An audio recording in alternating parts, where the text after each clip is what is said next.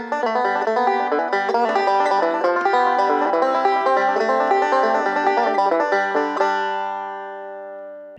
och varmt välkommen till Ullpodden nummer 25. Hej Malin! Hej Fia! Har du haft någon fårkontakt sen sist då? Ja, jag har ju varit och hälsat på på Asperö förstås.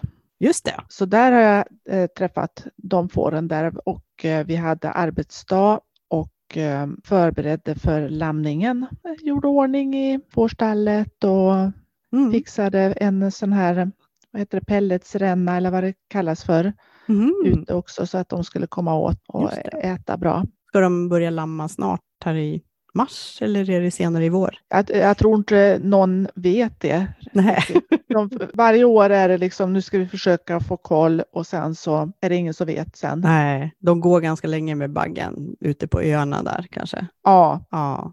ja, här ska det börja lammas i april. Några Mm, tackor hemma mm. på gården. Eh, Jämtlands tackor och Gotlands tackor. Får vi se då, de börjar bli runda om magarna. ja, Men i år så är det 28 stycken som har träffat bagge, fast några av dem är ungtackor. Eh, det brukar alltid vara några som inte liksom blir dräktiga så första gången. Så vi får vi se. mm, Nej, men så förra året var det inte så jättemånga lamm, 40 tror jag. det räcker ju. Det är rätt många ändå. Jo, det är rätt många ändå.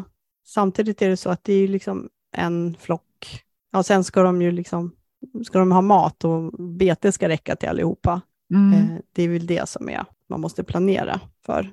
Sen är det ju liksom samma jobbinsatser oavsett om man har 20 lamm eller 50 lamm egentligen. Men det är ju klart, det är ju här, när de ska, när de ska ut och när de ska lamma, det är ju då det, är då Mm. det är kännbart förstås. Men där har, har ni ju löst det så fint på Asperger eftersom det är flera personer som hjälps åt. Ja, precis. Det måste ju vara helt suveränt. Ja, Ja, har Ja, det hänt något, något mer ullrelaterat då i ditt liv eller i ja i mitt liv eh, då, då är det ju det här eh, följetongen att jag har eh, för, nu ska vi se, tre år sedan då på fårfesten så köpte jag ju en slända och sen så började jag lära mig att, att spinna. Just det. Och nu har jag liksom spunnit så mycket så att det räcker till en tröja. Mm. Och nu har jag börjat sticka på den där tröjan. Så det är ju kul. Men nu har jag liksom ett uppehåll här för nu har jag kommit, jag stickar rundstickning ned, nerifrån och upp och jag har kommit till, till eh, ärmhålen och nu vet jag inte riktigt hur jag, jag har inte bestämt mig hur jag ska göra. Så nu, liksom, nu är det lite paus. Mm. Re- Reflektionspaus i stickningen. Mm. Det låter bra. Det måste få finnas också. Det är ju faktiskt, det är ju inte klokt. Det är ju tre år sedan vi var på fårfesten. Precis. Eller hur? Nu är man taggad att åka dit igen. Och nu är det ju dags för fårfest igen och förmodligen så när ni lyssnar på det här så pågår väl festen för fullt, gissar vi. Ja, hoppas vi. Ja, det är ju helt otroligt spännande. Och det är extra roligt med fårfesten i år eftersom det är ju Ann-Kristin Hult som får, vad, vad heter det, Guldbaggen? Gullbaggen. Ja, jag såg det. I år har hon skrivit Guldbaggen. Är det för att inte konkurrera kanske med den? Så i det här avsnittet har vi ju en intervju med Ann-Kristin Hult som vi ska lyssna på om en liten stund. Du pratade om garn och spinna och så och jag kan ju berätta att vi har låtit spinna ett nytt Ullpodden-garn. ja. Vi har använt stenkyrka precis som förra gången och det är ett ganska tunt garn och jag tror det är ungefär 300 meter per hekto. Och det är då en blandning mellan Gotland och Jämtland, så det har mjukheten från Jämtland och så lite glansigare från Gotland. Och jag tycker nästan att den här gången är det ännu lite glansigare faktiskt. Vi hade Härligt. mera lammull av Gotland i den här batchen. Och eh, det här garnet då, det säljer vi ju till er som är intresserade. Framförallt då erbjuder våra Patreons ett reducerat pris, och då får man rabatt. 150 kronor härvan eh, kostar det om man är Patreon. Så att om man vill ha det till det priset så kan man ju passa på att bli Patreon. Då går man in på www.patreon.com ullformedlingen så finns det ett inlägg där också eh, där det står hur man gör för att beställa. Vill man inte bli Patreon och betala 250 kronor härvan, då går man in på webbshoppen på Sjökärrs ekogård, jokarret.se. Men det är faktiskt ett väldigt, väldigt fint garn. Stickade du något av det garnet förra gången? Jag har inte gjort det än. Så jag har köpt en jättefin um, stickbok som heter Sark utav Kate Davis. Och där är det en, en tröja som jag tänkte skulle bli så jättefin faktiskt med, med det här uh, ullpodden-garnet. Är det en engelsk bok? Ja, Eller? det är det. Ja. Mm. Och jag har köpt den via 60 Garner Nord. Just det.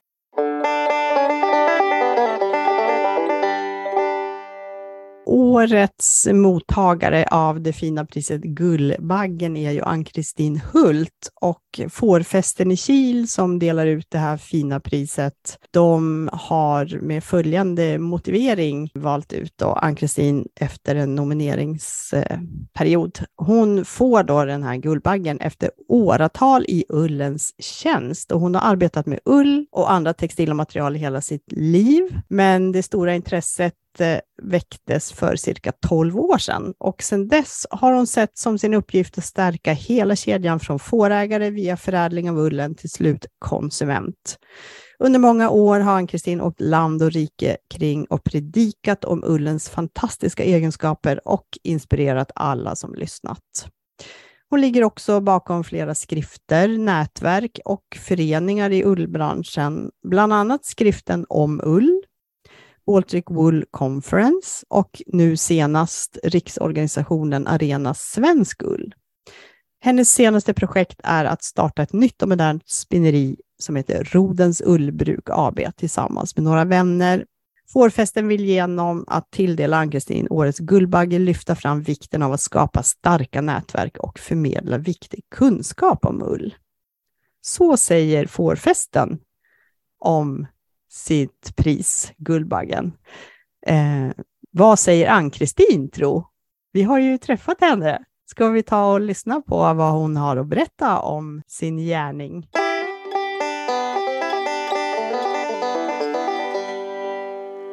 Välkommen till Ann-Kristin Hult. Hej Ann-Kristin! Hej Fia! Och varmt välkommen till Ullpodden. Och vi vill ju träffa dig framför allt för att vi har nåtts av nyheten att du har fått en gullbagge, eller kommer att få, på fårfesten i Kil 2023. Så stort grattis till den vill vi säga. Hur känns det? Ja, men det är en sån här konstig känsla att vad, vad roligt, fantastiskt och så helt så här, ja, nej, ja, jo, tack för det. Det är jätteroligt såklart. Ja. Det var ett väldigt glädjande samtal som jag fick ifrån gänget i fårfesten. Jättekul. Ja, vad roligt. Vad roligt. Du får njuta av uppmärksamheten här också. Vi ska prata lite grann om ditt arbete med ull och vad, vad det är du har gjort eh, hittills i ditt liv. Men jag tänkte först bara för de som inte känner dig, kan du bara kort berätta, eh, vem är du? Ja, jag eh, är eh, ganska nybliven pensionär, men jag jobbar ju fortfarande ganska mycket med ullfrågorna. Eh, jag bor i Norrtälje och det har jag gjort i stort sett hela mitt liv, utom när jag pluggade i Uppsala till textillärare. Och sen återvände jag till Norrtälje och jobbade där och på senare år så utbildade jag mig till hemslöjdskonsulent. Och då har jag jobbat i Uppsala bland annat i tio års tid med som hemslöjdskonsulent då. Mm. Det är väl den korta versionen av vad jag mm. har gjort. Det här med ull kom ju in eh, när jag gick min lärarutbildning då och eh, jag hade ju redan innan där eh, varit alltid intresserad av att göra med jobba med händerna mm. och göra. Mm. Och tack vare föräldrar som bejakade kreativitet och, och infall och sådär och att man kunde göra själv. Det var liksom inget främmande för oss utan här syddes det och snickrades och målades och, och allting sånt där. Så att eh, Ja, men också lärare som verkligen uppmuntrar det här att förmedla kunskap och mm. då bestämde jag mig för att jag skulle bli lärare såklart. Och sen också att det blev inte språklärare som det var tänkt från början, utan jag blev textillärare och eh, mm. sen dess har jag hållit på med hantverket och, och jobbat praktiskt och också det här med entreprenörskap och eh, driva butik och, och, förmedla kunskap på olika sätt mm. till både kunder och elever och, och, och andra. Så mm. Ja, men det har följt mig hela livet och just det här med hållbarhetsfrågor såklart också, att kunna Mm. göra själv, ha en beredskap och Mm. veta hur man gör. En Mm. nyfikenhet kan Mm. man väl sammanfatta det Och med. det kanske. kan man säga är som en röd tråd då, genom alltså ditt liv och ända tillbaka till att du var barn. Ja, det har det Mm. faktiskt varit. Och sen Mm.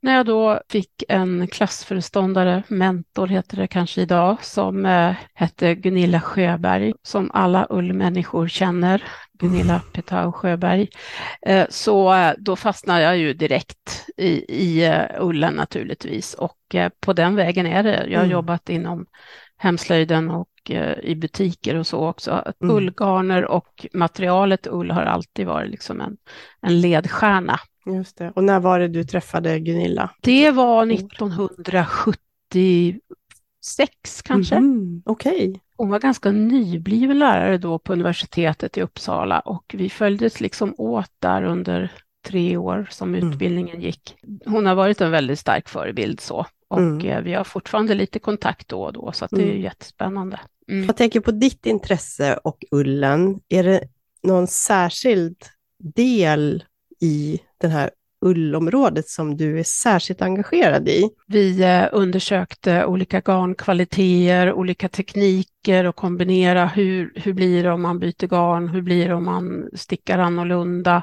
Och även vävning jobbar vi väldigt mycket med, och olika ullkvaliteter och allt det här. Så att det är ju något som jag har, liksom, som har följt mig hela tiden, att eh, rätt garn och rätt ull till rätt typ av stickning och till rätt slutprodukt. Där finns det ju väldigt mycket att göra.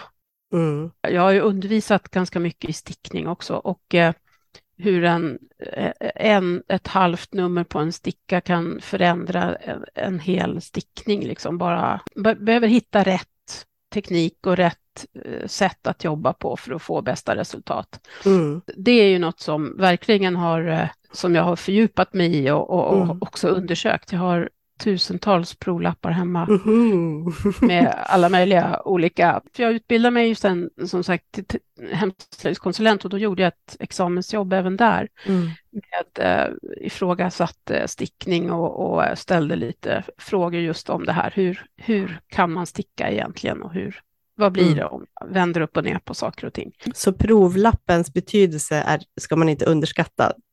Det- Absolut inte. Det är liksom, provlappen sitter i pannan på mig hela tiden. Ja, Du har ju gjort väldigt mycket och vi träffades ju här i Uppsala län när du drev ett projekt som hette Från lamm till tröja. just det.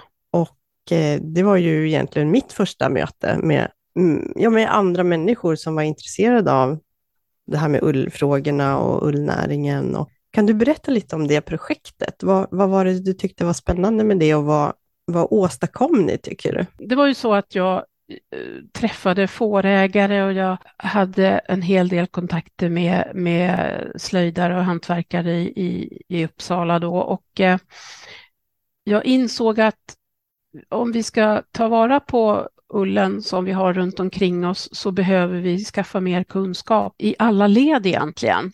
Jag pratar ju med väldigt många fårägare. Jag var ju Mm. ute då och intervjuade över 30 personer tror jag Mm. i det här projektet som tillhörde hela den här kedjan. Och vi Mm. kom ju fram till det att ja, vi behöver mer kunskap på flera sätt och på, inom olika områden. Och framför allt så behöver vi träffas och lära känna varandra, för det Mm. är då det börjar hända saker. Så Mm.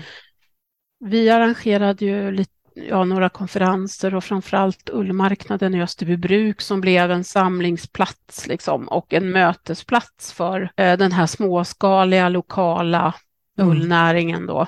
Mm. Och det var ju just Det var ju här ett jättestort evenemang. Det blev Ja. ju jättepopulärt under Ja, ganska många ja. år. Ja, jag tror att vi körde fem eller sex år då innan Mm. jag slutade sen och jobbade i Uppsala. Eh, Nej, men så det blev liksom ett startskott verkligen till de här frågorna. Hur gör vi? Hur samlar vi in ullen?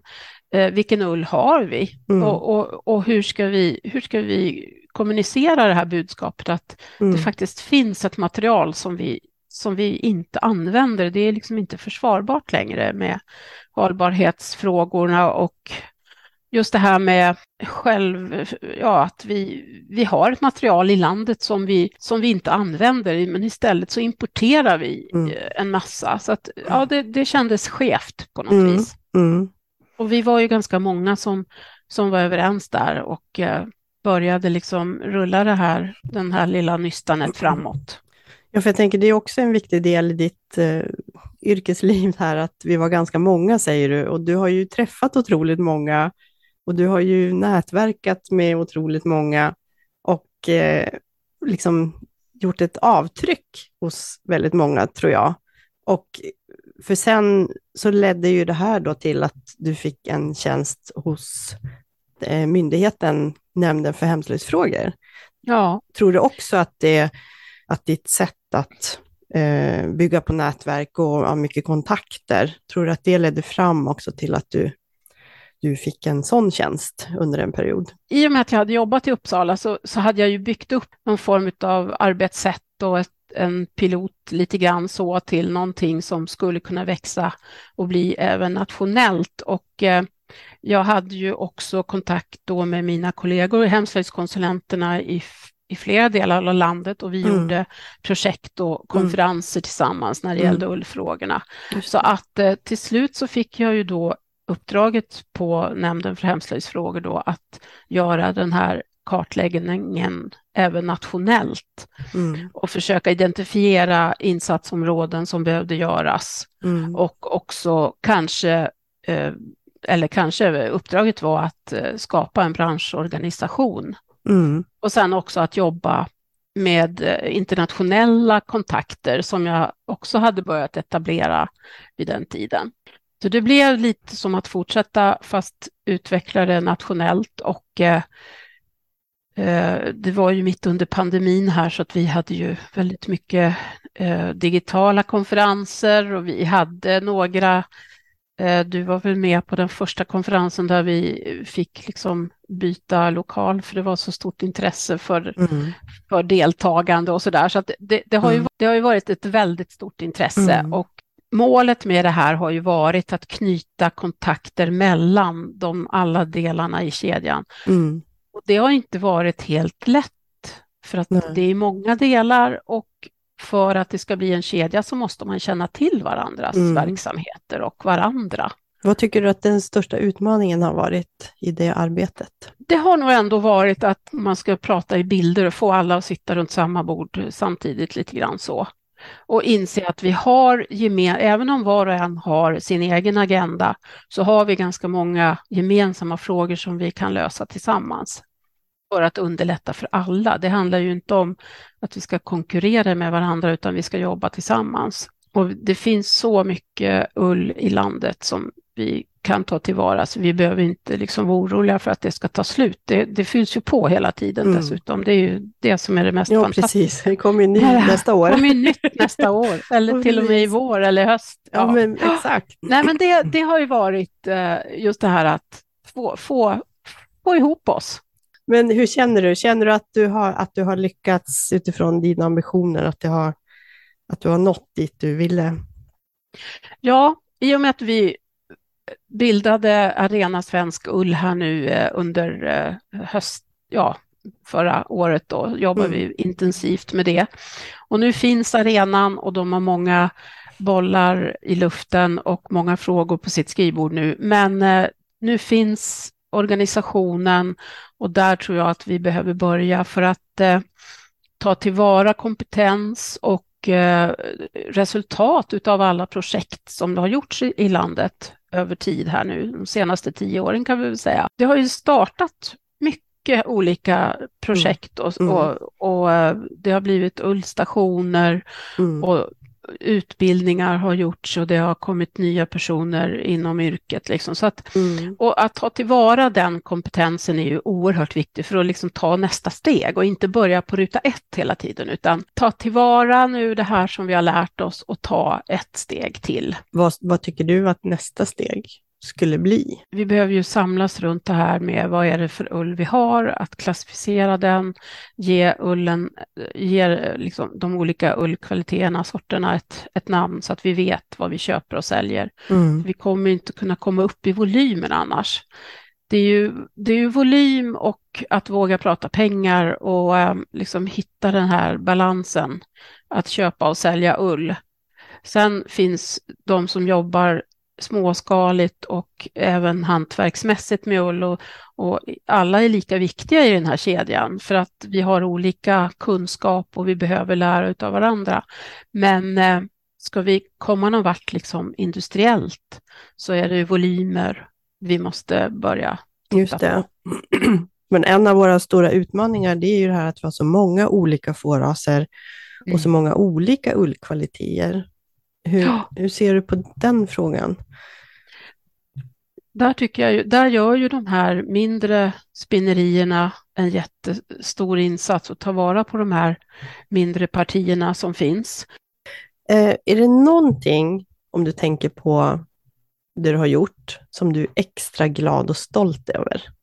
Som du känner, ja men det här, det här är jag så glad att jag, att jag ändå gjorde. Liksom. Utöver arenan då som, som kändes som en milstolpe, liksom, att nu sätter vi ner foten, att nu är den klar, så um, har jag jobbat en hel del också med Baltic Wool Conference, alltså Mm. att sätta Gotland på ullkartan. Gotland har ju alltid haft en särställning när det gäller ull. Dels har man ju en egen fåras, de fåren finns ju även på fastlandet, men, men eh, Gotland har förutsättningar att också hitta en plats på eh, ull, inom ullnäringen internationellt med den unika ullen och också de unika platserna som finns på Gotland. För att det här har ju också blivit en form av eh, besöksmål. Vi ser Shetlandsöarna, vi ser Island och så, att Mm. Gotland skulle kunna ta en liten plats i, i det gänget, att marknadsföra sig som en, eh, en plats där man jobbar mycket med ull. Och,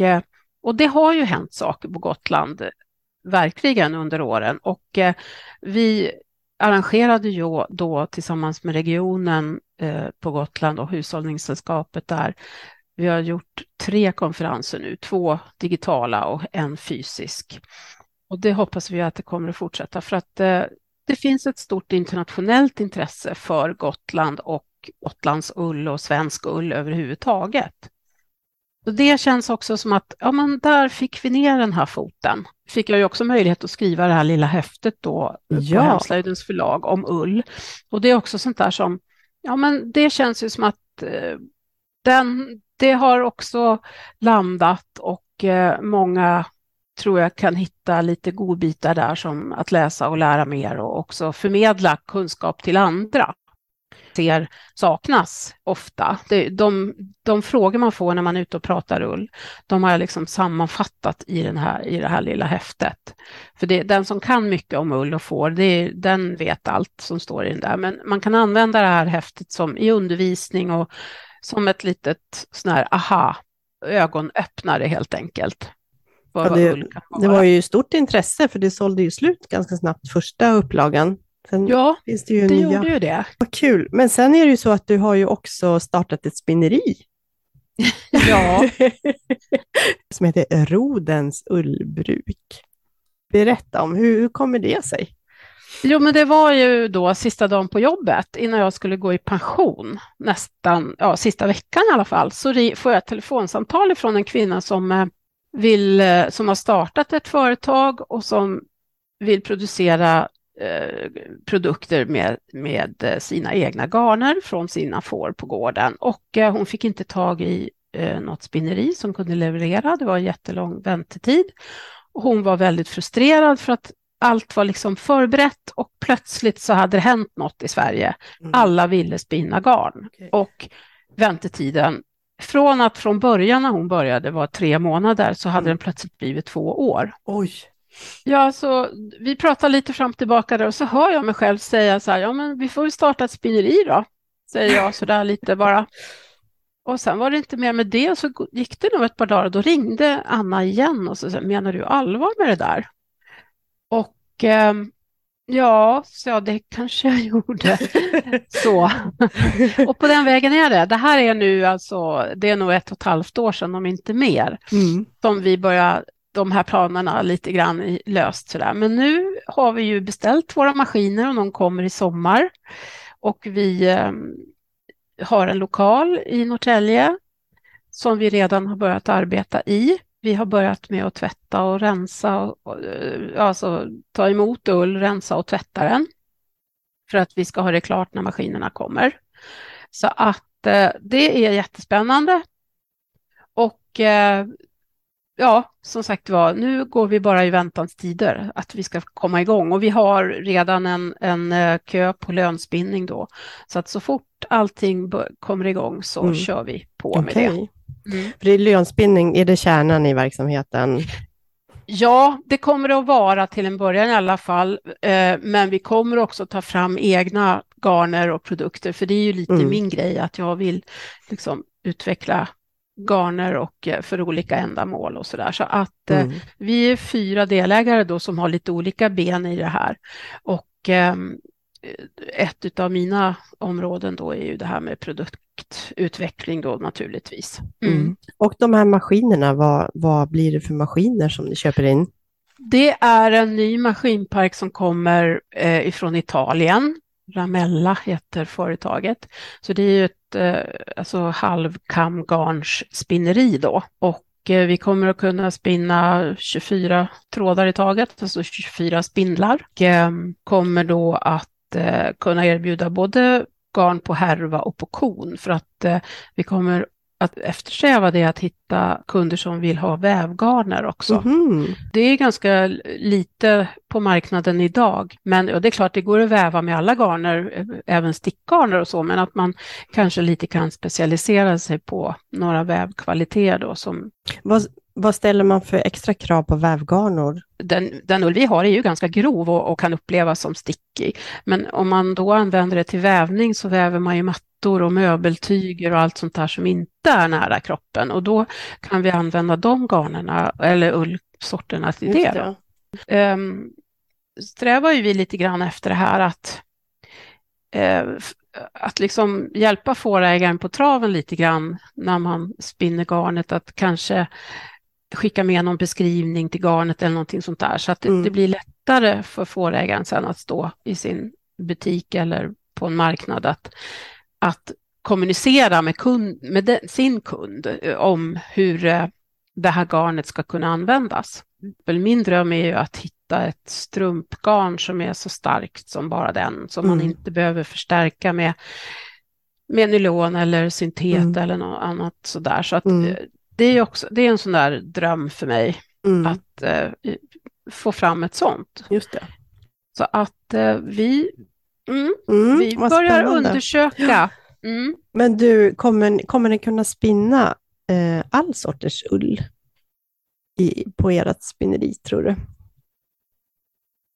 Vi hoppas ju det. Eh, tveksamheten ligger ju eh, kanske lite grann så här långt och innan vi har hunnit testa på de här riktigt längsta ullfibrerna, som till exempel rya och, och, och där. Men eh, vi ska det är ju så här att när eh, maskinerna kommer så eh, kommer de och vi ska lasta in dem och sen efter två veckor så kommer det instruktörer som ska lära oss att spinna då ska vi plocka fram så många olika kvaliteter utav ull som vi har och så ska vi sätta dem på prov när vi har dem där. Eh, så att vi lär oss så mycket som möjligt utav, av olika typer utav ull här nu då. Så att det där, det återstår att se. Men vi hoppas kunna erbjuda så mycket som möjligt. Mm.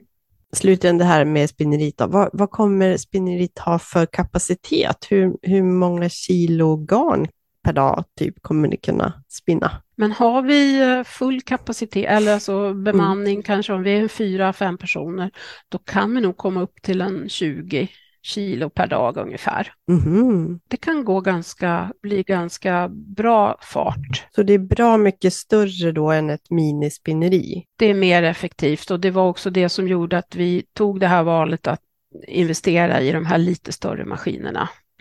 För vi har ju investerat i det här själva tillsammans med, med bank och Almi. Så det är liksom inga projektpengar eller sådär, utan vi, vi, eh, vi gör den här satsningen för att vi tror vi tror på att det här kommer att, att liksom utvecklas. Jättespännande, tycker vi. Ja, får Men, ha, ni får komma på studiebesök ja, när vi är göra. igång sen. Ja, det ska vi göra, mm. absolut. Mm. Vad, vad, tycker du är det bästa med att få den här baggen? Det bästa är väl ändå att, ja men kanske för mig lite grann ett sätt att sy ihop säcken och, och, och se att ja men det här gick mm. ju bra. Mm. Ibland måste man tänka det, ja men det är mm. liksom enough. Det är mm. lite så, man har ju på axeln hela tiden, att ja, men det här, ja, ja det gnager lite, men, mm. mm. nej, men nu, nu, sätter vi ner den här foten och, och tänker att ja, mm. det blev bra. Mm. Du får se tillbaka på allt bra som du har gjort och ta emot den här baggen och verkligen fira det och njuta av det. Det, vi... det ska jag göra. Tusen tack Ann-Kristin för att du ville vara med och återigen stort, stort grattis. Tack så mycket för det.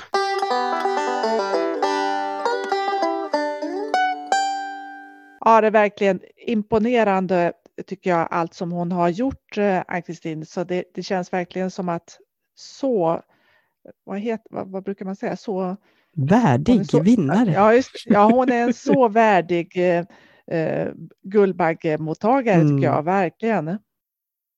Verkligen. Ja. Mm. Och det är ju, jag tycker att det är extra roligt för att eh, det är ju faktiskt ganska precis tio år sedan som som du och jag mötte henne första gången, kan man säga. Mm. Ja. Här i Uppsala län, där vi började intressera oss för ullfrågorna i länet och också fick eh, eh, möta henne och, och arbetet med att stärka ullen liksom i Uppsala län. Och framför allt också då med eh, mark, ullmarknaden i Österbybruk, som du och jag också var väldigt engagerade i. Ja, verkligen. Och ja, men just det här projektet då från ull till tröja, där var vi ju med fast från liksom våra olika våra olika perspektiv kanske. Ja, eller? just det, utgångspunkter. Mm. Det är ändå fantastiskt när man ser tillbaka på hur, hur det var då och vad vi pratade om då och, och hur mycket fakt som faktiskt har hänt på de här tio åren. Ja, det är det faktiskt och att, att Ann-Kristin har varit liksom en, en drivande kraft i, i väldigt många saker i det. Ja. Och att hon har liksom tagit det vidare då från intresset liksom på en privat nivå, och sen på en kommunal nivå, och sen på en regional nivå och sen nationell nivå. Och sen till och med då där internationell nivå då med, med The Baltic Wool Conference. Precis. Det är jättekul. Mm. Och sen nu tillbaka till det lokala med att starta ett eget spinneri också. Det är ju väldigt eh, spännande mm. och modigt. Ja, verkligen. En lokal aktör. En lokal aktör, verkligen. Mm. Så om ni är på plats på fårfesten så delas ju priset ut på torsdag förmiddag, då när festen invigs klockan 11, tror jag. Och Ann-Kristin håller också en föreläsning i samband med det. Vi vet ju att Ann-Kristin är mycket uppskattad av väldigt många ute i landet och eh, vi har fått in en eh, liten kort hälsning ifrån Charlotte Svensson som driver Avelsås ull och inredning tillsammans med Kristina Nilsson mellan Borås och Ulricehamn och så här säger hon. Kristin Hult har bidragit med till svensk ulls utveckling det är säkert jättemycket, men det jag först och främst kanske tänker på, det är att hon med sin breda kunskap, eh, alltifrån då fåraser och olika ullsorter till hantverket och designen, har en eh, stor förståelse för hur alla processled eh, funkar och går till och vad som kanske krävs för att få en lönsamhet i varje steg. Ska vi på lönsamhet i alla steg och att alla ska kunna eh, ta del av det här så behöver vi titta på hela flödet. Och det tror jag då att eh, satsningen på en nationell arena, där Ann-Kristin varit med och påverkat, det kommer vara jätteviktigt.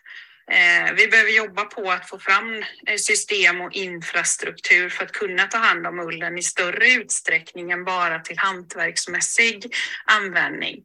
Att vi kan få in det i industri och i andra produkter. Och då måste vi ha logistiska flöden som fungerar och kanske även ett nationellt system för klassificering och att man eh, kan frakta ullen på ett bra sätt mellan de olika processstegen. Och där tror jag att den här nationella arenan kommer att ha en jättestor betydelse. Jag tycker också att det här eh, modiga att ta tag i och starta ett eh, spinneri till. Känns jätteroligt och där önskar jag dig all lycka till och jag hoppas att vi får möjlighet att samarbeta med att ta fram fler svenska ullgarner. Så stort lycka till!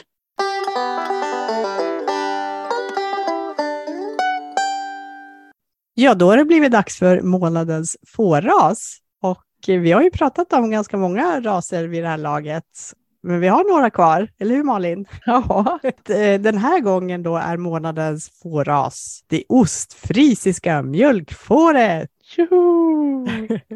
Du får en uh, stor utmaning där att hitta ett fotbollslag. Det ostfrisiska mjölkfåret, det har ju sitt ursprung då på öarna utanför Nederländerna, Tyskland och Danmark. Det här fåret finns ju i Sverige för att vi, vi pratar ju bara om fårraser där det finns då individer i Sverige. Och just det här mjölkfåret är känt för många lamm. Till utseende så har de ett långsmalt vitt huvud utan vare sig horn och, och saknar också ull på huvudet. De har stora, tunna, lite hängande öron eh, och utmärkande är också en lång ullfri svans. Men förutom att mjölka bra så är fåret också ett bra kött ull och skinnfår. De ger ju väldigt mycket mjölk, som sagt, eh, med bra fetthalt. En av de gårdarna som använder det här fåret i sin produktion, det är Bredsjö mjölkfår i Bergslagen till exempel. Men eh, de här fåren då är oftast vita.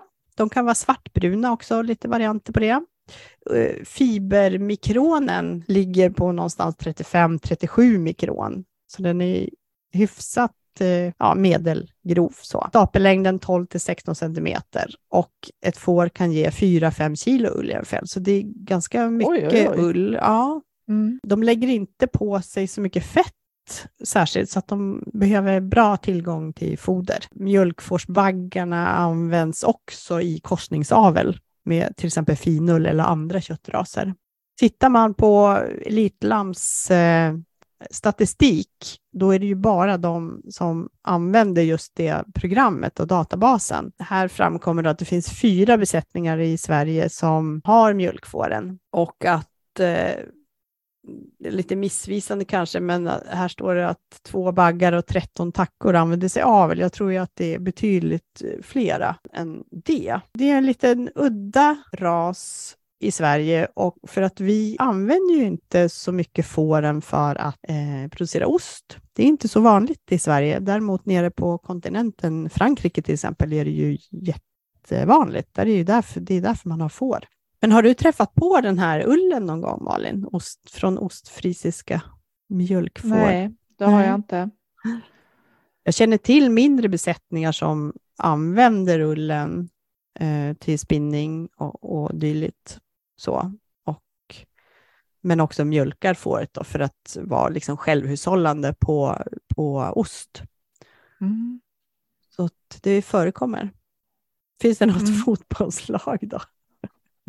Nej, jag, kan, jag har inte kunnat hitta något fotbollslag. Däremot så blev jag ju, jag var ju tvungen att titta lite grann på var de här frisiska öarna, var det ligger någonstans egentligen. Och, och en av de frisiska öarna heter ju Sylt och det känner jag igen, men det är ju ett, ett sånt väldigt lockande namn tycker jag, att, att en ö heter Sylt. Så jag tänker, och det är inte så hemskt långt egentligen ifrån eh, från Malmö, så jag blir väldigt sugen på att åka dit. Då får du fota lite om du ser lite ostfrisiska mjölkfår som går omkring mm. där. You bet.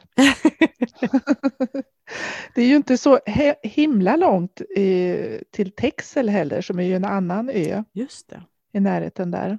Jo, jag glömde säga eh, storleken på de här fåren, att det är ganska stora rejäla får och tackorna väger mellan 80 till 100 kilo faktiskt. Åh jäklar! Ja, och baggarna kan väga 110 till 130 kilo. Det här är tyska uppgifter, skriver lammproducenterna på sin hemsida. Och höjden är då, baggarna kan vara upp till 90 centimeter, tackorna 70 till 80. Så det är rätt rejäla får. Man kanske inte vill möta en då på sylt. Men de har inga horn och de är snälla, snälla säkert. Så det, det kommer säkert gå bra. Ja, men sen kan jag också passa på att säga det att vi har fått in ett önskemål om att vi ska presentera Sveafåret eftersom Sveafåret är ju en, eh, en korsningstacka som man har använt i framtagande av Jämtlandsfåret. Och jag kan Mm. säga att lite research pågår här för att det är inte helt lätt att hitta information om det fåret eftersom det inte är en registrerad fårras i Sverige. Det är en ganska vanlig ras, särskilt uppåt i, i Norrland, Jämtland, Västerbotten. Så att jag hoppas att vi kan återkomma och berätta om Sveafåret i något avsnitt under året. Ja, det låter kul. Men tack för att ni har lyssnat idag och Vi hörs snart igen. vi fortsätter ju podda under det här året och vi planerar lite spännande intervjuer så att vi kommer tillbaka. Ha det så bra! Ha det gött! Ha det gött, hej! Fler avsnitt av Ullpodden hittar du på www.ullformedlingen.se. Följ gärna vår Facebook-sida som heter Ullpodden där vi gör inlägg om sånt som vi har pratat om. Malin Ögland och Fia Söderberg pratade i podden. Fia Söderberg producerade och redigerade och Per Åberg är den som har gjort musiken. Vi hörs igen!